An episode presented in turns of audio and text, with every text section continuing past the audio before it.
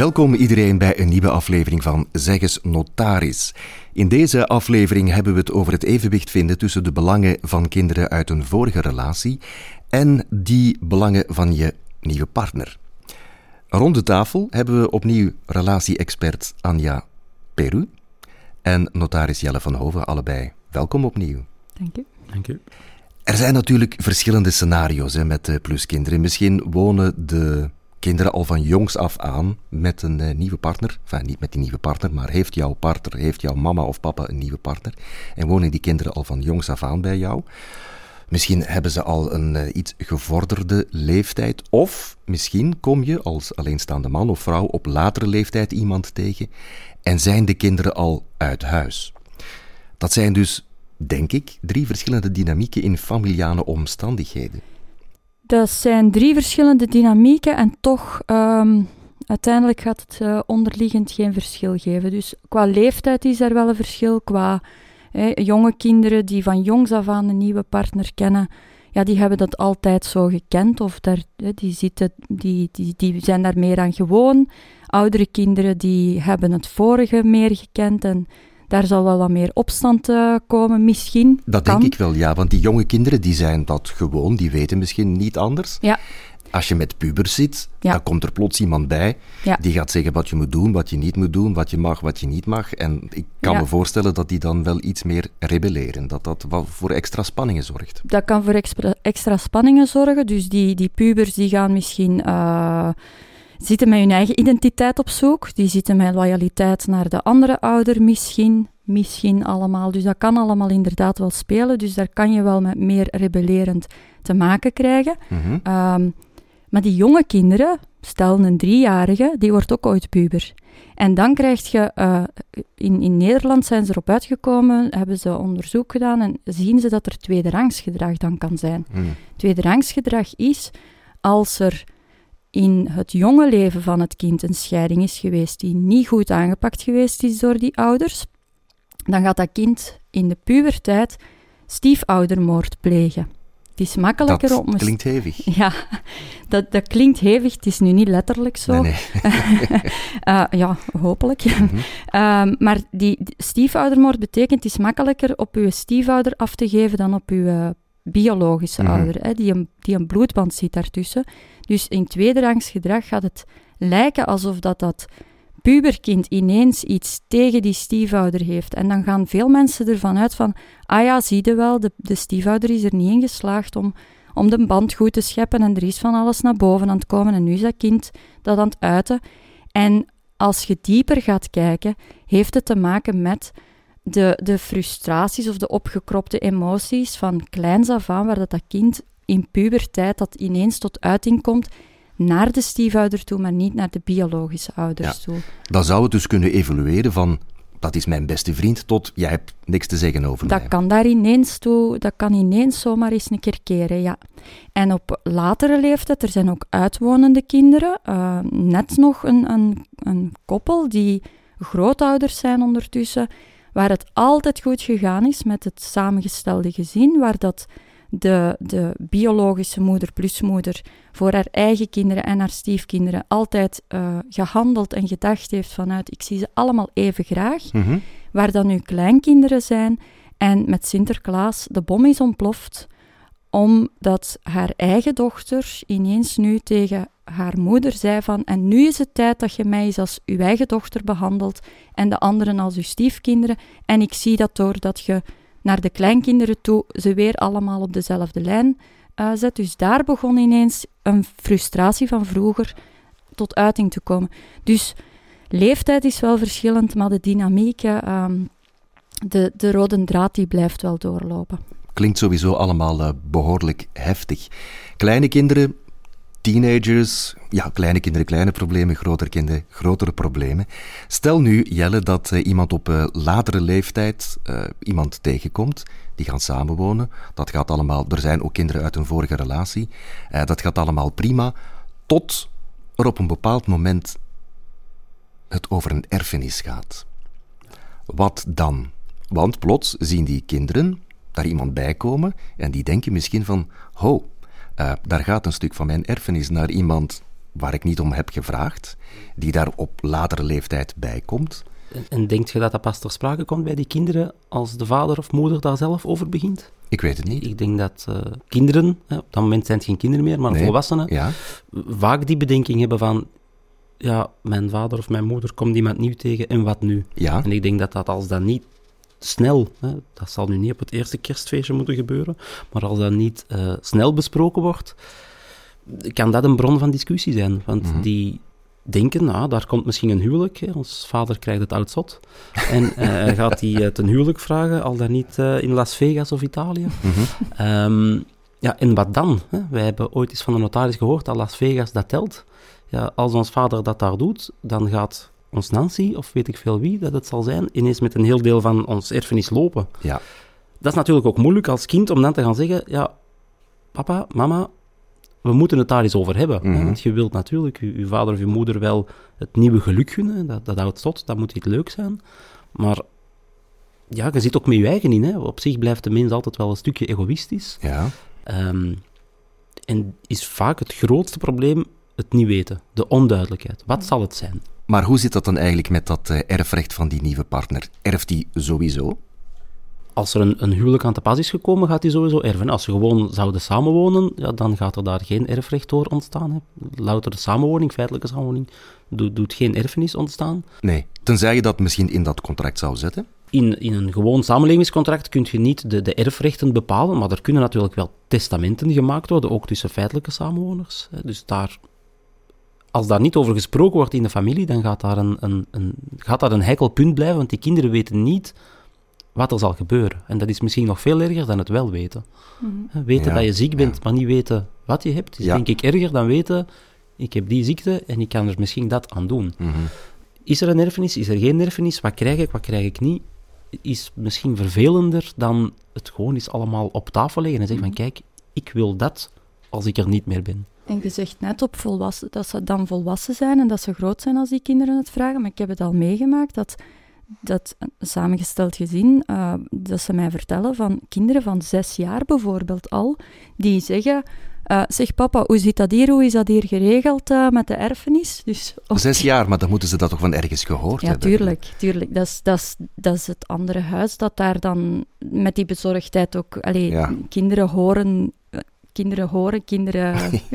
Ja, dat, dat kind hoeft niet noodzakelijk tussen een gesprek gezeten te hebben. Die, die horen dat dan. Maar dat, dat komt dus voor dat kinderen, jonge kinderen, bij de, bij de andere ouder gaan vragen: hoe zit het hier? Hoe is het hier geregeld financieel? mhm. Dus ze hoeven. De, maar ja, maakt wel dat er vele mensen met die vragen dan zitten en dat niet benoemd is. eh, zoals Ja, dat dat- je zegt, hè? Dat is eigenlijk het beste wat je kunt doen, is dat ook effectief bespreekbaar maken. Mhm. hè, en, en daar op voorhand al eens over praten. En dan ieders, eh, verla- allee, vooral de ouders dan, eh, een verlanglijstje opmaken. Wat wil je wel, wat wil je niet? Want misschien wilt jij nog heel veel aan je partner geven, maar is die partner er eigenlijk geen vragende partij voor? En zou die liever, hij of zij, gemoedsrust hebben? ja. En zeggen Ja. van, kijk, ik wil dat geregeld hebben. Ik ben niet op zoek naar de helft van de erfenis, of naar dit, of naar dat. Dat is een belangrijke wat je daar zegt. Dat is inderdaad Misschien ook wel, hè.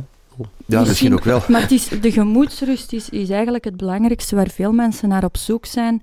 Eh, zo bijvoorbeeld weten van nieuwe partner, eh, de dag dat mijn partner iets overkomt, valt de tak dan boven mijn, boven mijn hoofd ook weg. Ja, hè? Want ja. het huis gaat naar de, naar de kinderen of naar de wettelijke erfgenamen.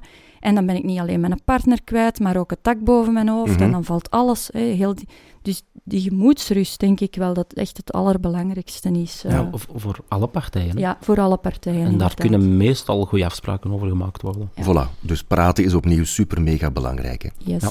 Goed, eh, je zei het net, in een samenlevingscontract kan er eigenlijk niks van een erfenis in, enfin, dat kan daar niet in opgenomen worden. Wat moet je eigenlijk doen om een erfenis, ehm, of om een, eh, ja, die erfenis veilig te stellen? Is dat voldoende om dat in een testament op te schrijven? En kan je dat bij wijze van spreken op een bierviltje zetten? Een testament kan nog altijd op een bierwieltje, maar als er een, een huwelijk aan te pas zou komen, of dat Ja. wordt overwogen, is Mhm. daar eigenlijk voor uw bierwieltje, voor uw testament, komt daar nog een voorafgaande stap, namelijk de verdeling van wat je tijdens het huwelijk hebt opgebouwd, of net hebt voorzien dat je niet samen opbouwt. Hè. Dus eerst moet het huwelijksvermogensrecht, in een moeilijk woord, geregeld worden. Ja? En dan pas zal er naar eh, het erfrecht gekeken worden.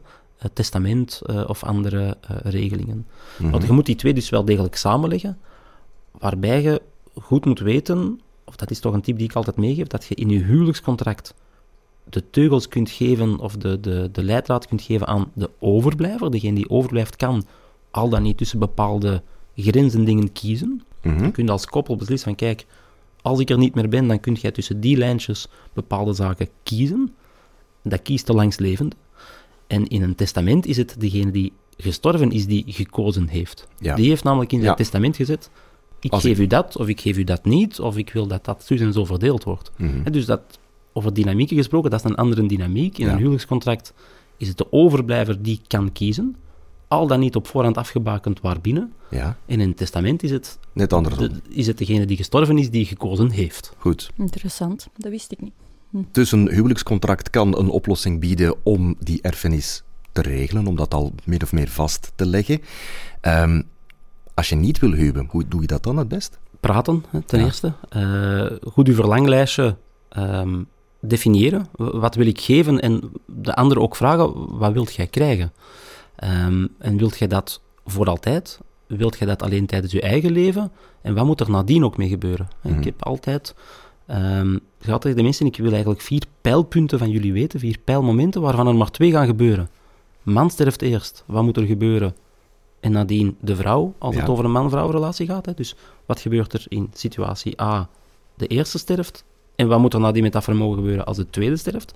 Of andersom, persoon B sterft als eerste Mhm.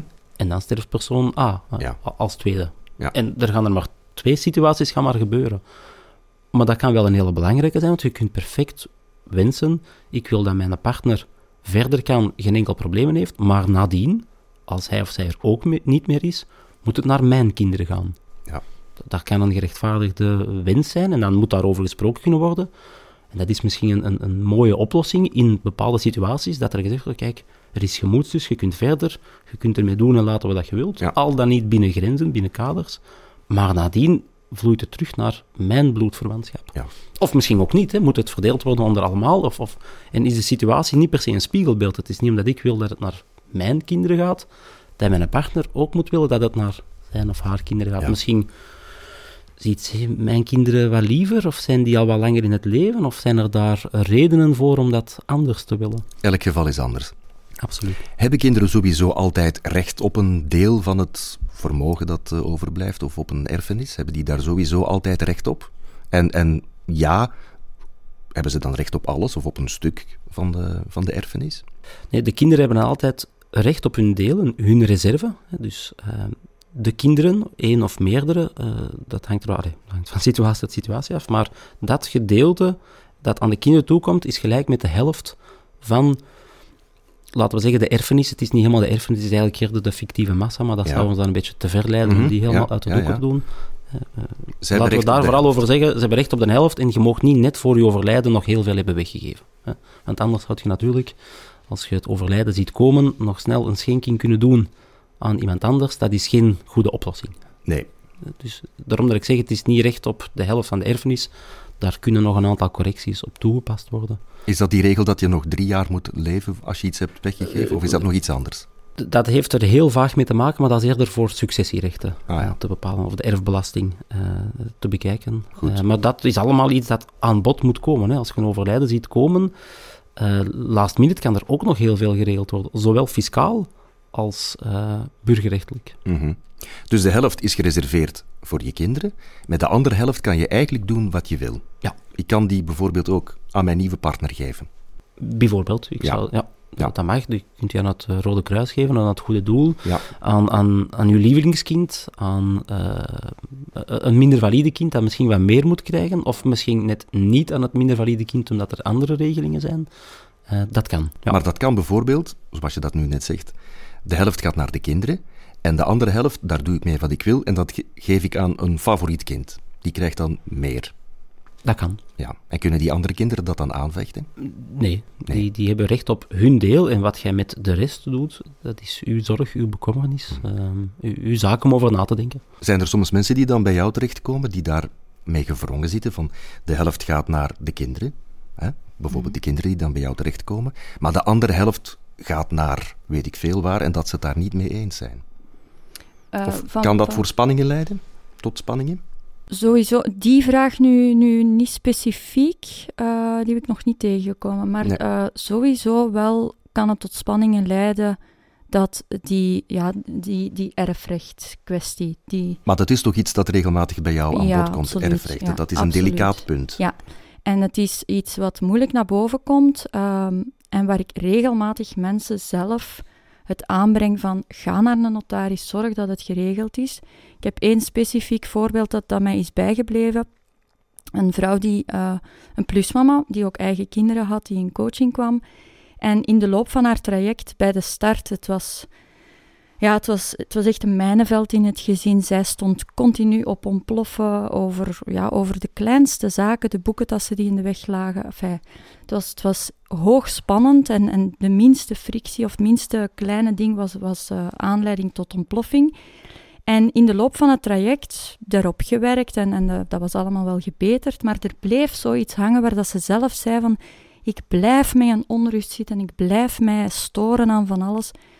Tot het punt dat ik vraag, hoe is jullie, hoe is het geregeld? Hoe is alles geregeld? Goh, zegt ze, dat is een moeilijke zaak om het over te hebben. Want ik woon in zijn huis. Ik ben met mijn kinderen daar ingetrokken. En ik moet geen bijdrage leveren voor, hè. ik moet geen huur betalen. Uh, we gaan ook niet een nieuw huis kopen, want waar we nu wonen is het zo mooi en zo. Ja. Dus we gaan niet naar iets anders op zoek. Dat is ook uh, niet mogelijk om iets anders te vinden, papa. Mm -hmm. Um, maar zegt ze, ik heb ook de erfenis van mijn ouders heb ik mee in de renovatie gestoken. Um, ik, heb dat, ik wil geen profiteur zijn, zegt ze, dus ik heb mijn, mijn geld van mijn erfenis van mijn ouders daarmee ingestoken in die renovatie. Uh, wetende, het moment dat er hem iets overkomt, gaat dat allemaal naar zijn kinderen. En ik en mijn kinderen, wij hebben er niks aan. Wij hebben, er blijft niks over voor ons. En op dat moment zeg jij, neem contact op met een notaris. Op dat, moment, ik, want... op dat moment geef ik aan, haar partner wilde dat niet. Uh, de biologische ouder, die heeft al eens een scheiding achter de rug. Die heeft al van alles moeten regelen. Mhm. Dus die is dat beu van, hé, naar, naar een notaris, daar hangt niet zo een geweldig... U wordt niet vrolijk van mij? ik wel, ik, ik wel. uh, maar, maar die biologische gescheiden ouders, die, die vinden het niet plezante gedachten alleen al om terug dingen te moeten regelen. Uh, dus die zien daar tegenop, die schuiven dat voor zich uit.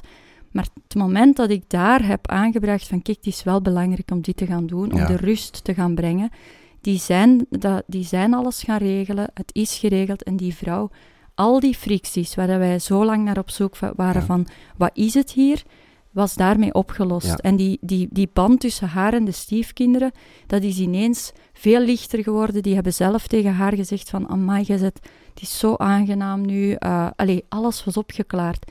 Door gewoon even naar de notaris te gaan en alles te regelen. Dat is een beetje zoals naar de sportschool gaan. Hè? Op voorhand zie je daar misschien tegenop, Voilà. maar eens dat je terugkomt, is dat fantastisch als Ja. je toch een uur op die band hebt gestaan. Voilà. Maar het kan tot spanningen leiden en het gaat altijd goed, tot zolang het niet goed meer gaat. En dan zit je ja, met de spreekwoordelijke gebakken peren, dus je kan dat maar beter doen. Eh, Goeie Samenvattend... afspraken maken goede vrienden. Ja, absoluut. Ja, Dat, eh, dat, dat, blijft de rode draad hè, doorheen eh, al deze gesprekken. Eh, Jelle, een vijftiger, die, eh, die wil voor iedereen goed doen. Die wil zorgen dat zijn partner, zijn nieuwe partner, toch nog een dak boven het eh, hoofd heeft als er met hem iets overkomt. Maar hij wil ook dat zijn kinderen, of eventueel zijn pluskinderen, niks tekort komt. Ehm, wat raad jij dan aan? Om dat zo goed mogelijk te regelen? Zoals Alleszins steeds, bij een eh, notaris langslopen, ja. Ja, sowieso. Hè. Vraag advies. Hè. Mhm. Laat u daarin begeleiden. Ehm, en bespreek ook in de mate dat dat mogelijk is met iedereen wie wat verlangt. Ehm, is er een verlangen van die mogelijk overblijvende partner naar eigendomsrecht? Want iedereen gaat ervan uit dat, dat je in, die erfenis iets moet regelen qua eigendom. Maar misschien is het eerder gemoedsrust, hè? is het bewoningsrecht eh, dat misschien veel kan oplossen.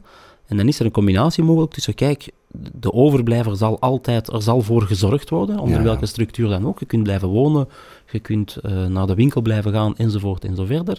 Maar het eigendomsrecht zit misschien al bij de kinderen. Eh, plus kinderen, al dan niet, hè, dan zal er gekeken moeten worden in, in naar welke verhouding. Ehm, maar dan kijken we eigenlijk twee stappen verder, niet alleen het eerste overlijden, maar ook het tweede overlijden. Wat moet Ja. er dan gebeuren? Is het dan nog nodig dat hetgeen dat je zelf aan je partner hebt gegeven om voor hem of haar te zorgen, moet dat dan naar een andere familie gaan? Misschien ook niet, en misschien verwacht die andere familie dat ook helemaal niet. Mhm. Hè, dus dat zijn dingen, je moet niet de, de eerste stap alleen bekijken, maar het totale plaatje. Hoe wordt alles geregeld? En dan is er veel mogelijk. Hè. Vruchtgebruik, blote eigendom, bewoningsrecht, een, een maandelijks inkomen, een, een jaarlijks inkomen op afroep. hè. Je zegt van, kijk, als het nodig is, mag ik bepaalde dingen opvragen.